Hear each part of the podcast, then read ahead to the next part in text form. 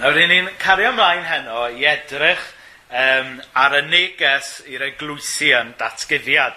A teitl y gyfres, Saith Eglwys Asia, y da, y drwg a'r llugoed, yn arddull uh, Clint Eastwood. Um, felly mae'r darlleniad heno yn dod o datgyddiad 2, a i ni'n edrych ar y neges i Smyrna.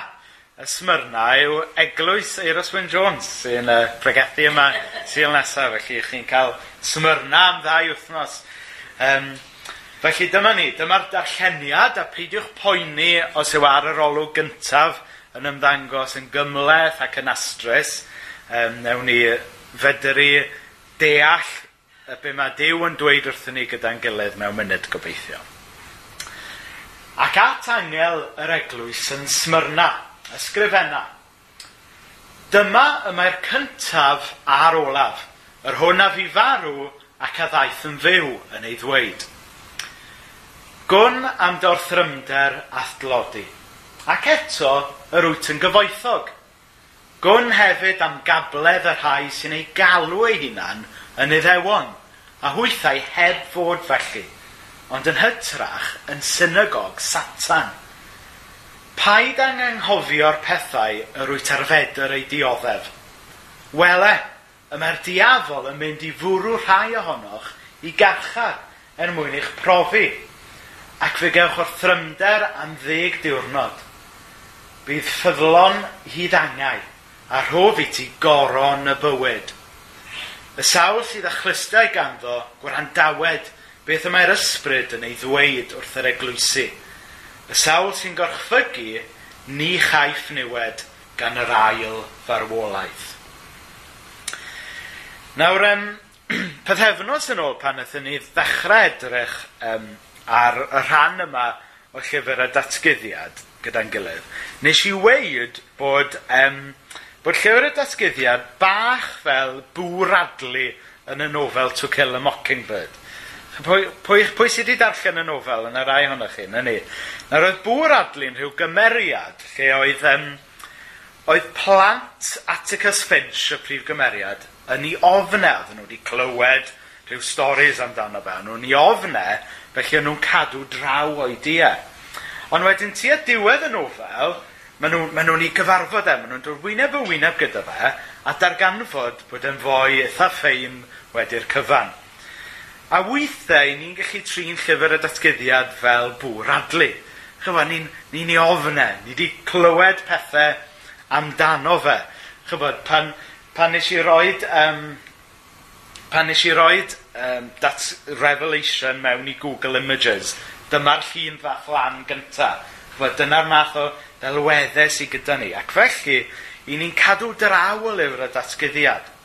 Ond gobeithio gyda'n gilydd dros yr wythnosau nesa, nesa newn ni weld bod esgyddiad fel bŵr adlu.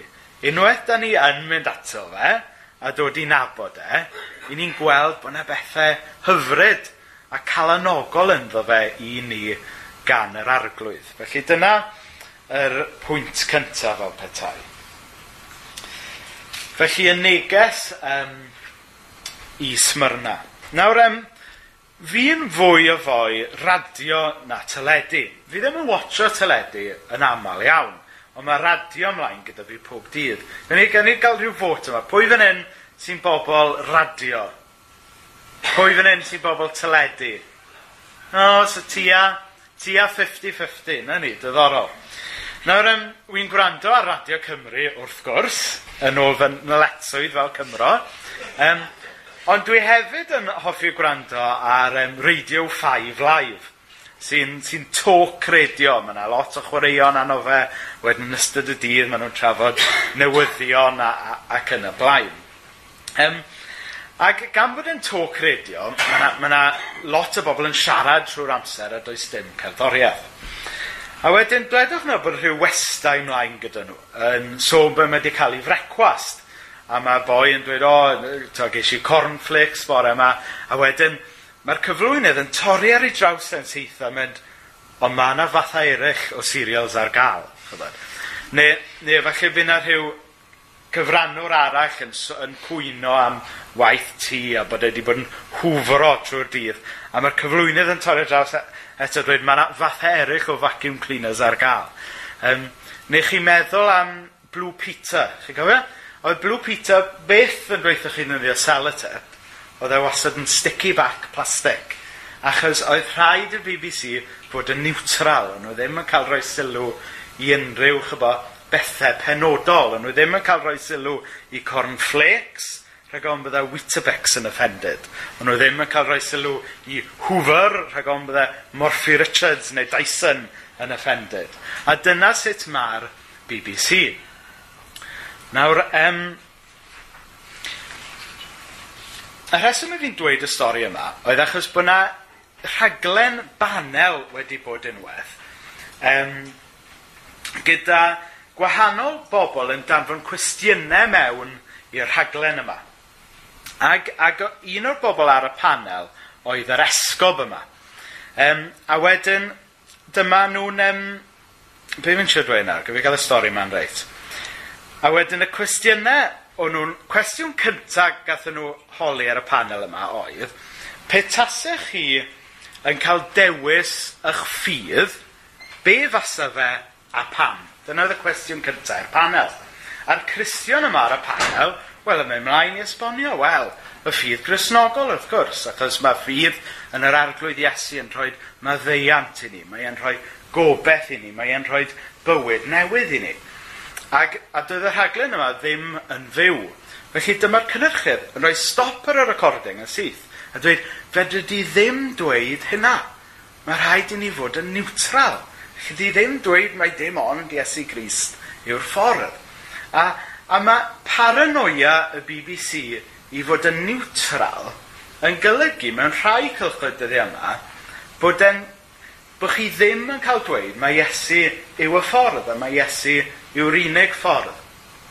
Nawr, y rheswm i fi'n di dechrau gyda'r hanes yma yw oherwydd mae'r hyn i ni'n dod ar ei draws yn smyrna yw bod yna densiwn ynglyn â pwy yw'r gwir iddewon.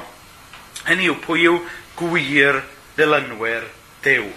Ac oedd y boi mae'r radio, wrth gwrs, yn dweud mae pobl sy'n dilyn Iesu Grist sy'n dilyn y gwir ddew. Ond wrth gwrs, oedd y boi yn y cyfrwyno'r rhaglen dweud, wel na, na, allu ddim dweud hynny. A beth sydd gyda ni fan hyn yn sbyrna, ydy tensiwn ynglyn â pwy yw gwir ddilynwyr dew.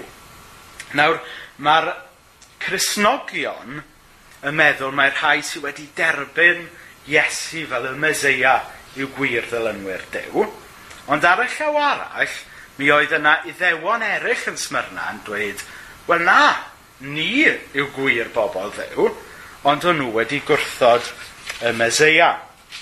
A mae'r tensiwn yma yn dod i'w ben llanw fan hyn yn adnod naw. Gwn hefyd am gabledd y rhai sy'n ei galw eu hunain yn iddewon a hwythau heb fod felly, ond yn hytrach yn synagog satan.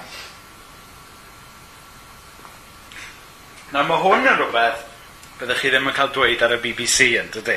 Chyfo, mae e'n adnod caled iawn yn dydy. Mae'n mae adnod dia gwyn iawn yn dydy. Mae e'n dweud bod y bobl yma sy'n honni bod nhw'n bobl ddew, dyn nhw ddim yn bobl ddew, ac ymhellach na hynny, yr un drwg sydd yn ei cymylu nhw, neu'r un drwg chybod sydd yn ei harwen nhw. A mae rhywbeth um, difrifol iawn yn mynd melan fan hyn.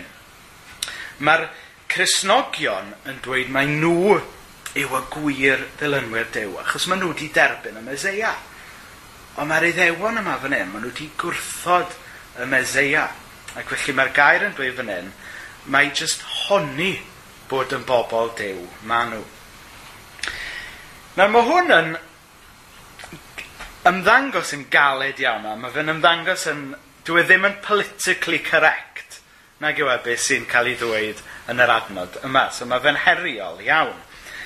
Ac i weid y gwir, petas e chi'n gyhoeddus yn galw iddewon yn synagog satan, bydde, hynny yw, byddech chi'n cael eich cyhyddo fod yn eitha gwrth semitaidd yn byddech chi. Hynny yw, mae yna ma rhywbeth eitha difrifol yn cael ei ddweud fan hyn.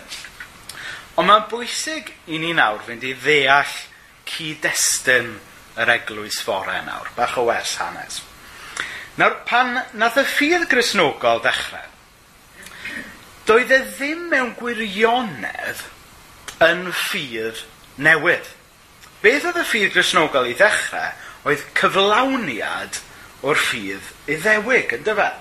Hynny yw, Iesu Grist oedd y Meseia iddewig oedd yr ysgrythurau iddewig wedi bod yn sôn amdano fe. Felly nid beth sydd gyda ni fan hyn ydy tensiwn rhwng Cresnogion ac Iddewon, ond beth sydd fan hyn yw rhyw ddadle o fewn y traddodiad iddewig. Chi dech beth da fi? Mae'n ma, ymddangos yn gymleth, ond, ond mae e eitha pwysig. Hynny yw, oedd na rai, oedd y Cresnogion yn bobl oedd wedi credu, ie, dyma yw y Meseia ddewig. Dyma oedd yr ysgrythurau i ddewig wedi bod yn dod amdano. A maen nhw wedi credu ynddo fe. Ar y llaw arall, oedd gyda chi rai iddewon, oedd yn disgwyl byddai'r Meseia'n wahanol. Oedd nhw'n disgwyl Meseia milwriaethus, gwleidyddol, chi'n gwybod. Bysa, fel ddydwn ni dros y past, bysa'n i gelynion nhw, nid y marw dros i elynion. Felly, beth sydd gyda ni fan hyn ydy, um, pobl wedi derbyn y Mesoea, a pobl yn anffodus oedd ddim wedi derbyn y Mesoea. Felly, ni'n dod at gwestiwn cymleth wedyn, dydyn, pwy yw y gwir iddewon? A mae'r um, a ma Apostol Paul yn ateb hwn yn rhyfeiniad penod 2 adnod 29. Y gwir iddew i'r iddew cyddiedig. A'r gwir enweidiad yw enweidiad y galon. Peth ysbrydol, nid llythrenol. Dyma'r un sy'n cael clod. Nid gan bobl eraill, ond gan ddiw. Hynny yw, doedd yr iddewon yma'n Smyrna oedd wedi gwrthod y Meseia, oedden nhw methu cwpo gyda'r syniad fod y Meseia wedi dod i farw dros bechodau pawb, yn gyntaf yr iddewon, wrth gwrs, ond pechodau pawb. Ond oedd yr iddewon styfnig yma, jyst is, y meddwl pan fysa'r iddewon, um, pan fysa Iesu yn dod, fysa fe'n arweinydd milwriaethus dim ond iddyn nhw. Ond wrth gwrs, mae Iesu wedi dod yn gyntaf i farw dros y ddewon, ond hefyd dros bawb yn dyfa. A dyma oedd y tensiwn oedd yn mynd ymlaen yn smyrna. Pwy oedd gwir pobl ddew? Wel, gwir pobl ddew, oedd nid pobl oedd wedi i geni yn y ddewon o'r heidrwydd, ond pobl oedd wedi credu yn y myseia iddewig, sef Iesu Grist. Nawr, yn y darn yma i'r Cresnogion yn Smyrna, mae'n amlwg bod nhw'n Cresnogion oedd yn wynebu amser anoedd. Chos yn adnod naw, gwn am dy orthrymder a ddlodi. Wedyn adnod deg, paid a gofni'r pethau yr wyt a, ar fi'n ac yn ei dioddef. A wedyn mae'n mynd mlaen i ddweud, bydden nhw'n cael eu profi, bydden nhw'n cael eu erlyd, a bydde rai o nhw hyd yn oed yn cael eu lladd oherwydd eu ffydd nhw. Hynny yw, beth oedd yn mynd mlaen fan hyn oedd bod yr... Um, bod yr iddewon oedd wedi gwrthod y Meseia, oedd, oedden nhw mor grac, chi'n gwybod, gyda'r Cresnogion, fel bod nhw'n trio stampo allan y sôn yma ynglyn â Iesu Grist y Meseia, a nhw'n meddwl mae ffordd o stampo fe allan oedd erlyd, bwlio, a hyd yn oed lladd y rhai oedd wedi credu yn Iesu Grist. A dyna pam oedd y Cresnogion yma'n smyrna yn cael amser anodd Nawr, i ni cael bywyd hawdd fel Cresnogion yn dydyn i gymharu. Nawr, pwy welodd panorama bythefnos yn ôl o Gogledd Corea? Nath rhywun weld e? Gwenodd, da iawn. A John, da iawn. Nawr, oedd e'n raglen yn swreal yn doedd, yn dangos beth roedd rhyw geibolwg bach i ni, sut beth oedd o i fyw dan drefn dotalitaraidd yn Gogledd Corea. A mae'n debyg mai dyna'r wlad sydd sydd yn fwyaf caled yn erlyd Cresnogion ar hyn o bryd. Ac, ac er bod y math yma o sefyllfa trwy ras dew ddim yn effeithio arno ni, mae'n bwysig i ni gofio wrth basio i fod yn effeithio ar Cresnogion mewn gwahanol rhannau o'r byd. Mae'n bwysig i ni weddio dros y Cresnogion yna. Ond er bod ni ddim yn cael yn erlyd yn yr ystyr bod pobl yn taflu cerrig arno ni a bod ni'n mynd i'r carchar, mi yda ni fel Cresnogion yn cael yn profi yn y byd, yn dydyn. Hynny yw, da ni gyd yn, um, da ni gyd yn gallu mynd yn sal, yn dydyn. Hynny yw, rhai ohono ni a salwch difrifol falle, sydd yn, yn llethu ni go iawn. Mae, mae pawb ar ryw bwynt yn ei bywyd yn cochi rhai anwyl iddyn nhw. So, so mae pob Cristion, lle bynnag i ni'n byw, yn cael yn profi yn y cyswllt yna. I ni'n cael, i ni'n wynebu profedigaethau yn dydyn ni. Felly mae'r gair yma i smyrna nawr, mae e wrth gwrs yn helpu Cresnogion sy'n cael ein anodd o'ch bod nhw'n cael ei erlyd, ond fi'n credu bod y gair yma yn helpu pob Cristion, chybod, wrth bod ni yn dioddau salwch falle, wrth bod ni'n dioddau wrth golli rhai anwyl i ni, a falle wrth bod ni'n edrych y dyfodol a meddwl am yn marwolaeth yn hunain. Mae yna air fan hyn i'n calanogi ni a'n helpu ni. Nawr y peth cyntaf sydd yn yn calanogi ni yw hwn ar ddiwedd adnod deg. Bydd ffyddlon hyd angau a rhof i ti goron y bywyd. Nawr, mi oedd Smyrna, mae'n debyg, yn dref oedd yn sports mad. Mi oedd e fel sa'n gwybod, Manceinion, dau dîm pildroed, athletics track, the gladiators yna. E, oedd e'n drem yn debyg, chybod, oedd, oedd chwaraeon yn beth mawr. Ac, um, ac yr arfer yn y traddodiad groegaidd oedd byddai'r sawl oedd yn fuddigol yn y campau yn cael, chybod, fel coron o ddail, chi'n gwybod, fel yr hen Olympics clasurol. Felly, beth, yn, beth sydd fan hyn nawr, os o'n am goron y bywyd, Oedd e'n rhyw play on words a rhywbeth bydde pobl smyrna yn ei ddeall. Bydden nhw'n deall, a ie, pobl sy'n ennill sy'n cael gwisgo coron. A be mae'n dweud fan hyn yw, oce, okay, chi'n cael amser anodd ar hyn o bryd. Chi'n cael eich erlyd. Ond yn y diwedd, chi'n mynd i gael coron y bywyd. Hynny yw, nid jyst yw goron o ddaniel, ond y goron chi'n mynd i gael yw coron y bywyd newydd, y bywyd siagwyddol yn Iesu Grist. Nawr mae hyn o gobeithio yn help ac yn calonogi pob un ohono ni. Ond dychmygwch hyd yn oed fwy special oedd e i'r Crisnogion yma oedd yn llythrenol cael eu taflu'r carchar am beth nhw'n credu. O'n nhw'n dweud, oce, okay, falle bod chi yn y carchar nawr, ond hold on, achos yn y diwedd chi'n mynd i gael coron y bywyd. Felly dyna yw y peth cyntaf yn annog pobl Cresnogydd Smyrna, a gobeithio bod hwnna yn yn annog ni hefyd. Yr ail beth fi am i ni edrych arno yw um, diwedd adnod 11. Y sawl sy'n gorchfygu ni chaiff niwed gan yr ail farwolaeth. Nawr, mae fi cael bach o ddŵr nawr, chym hwn yn gymleth.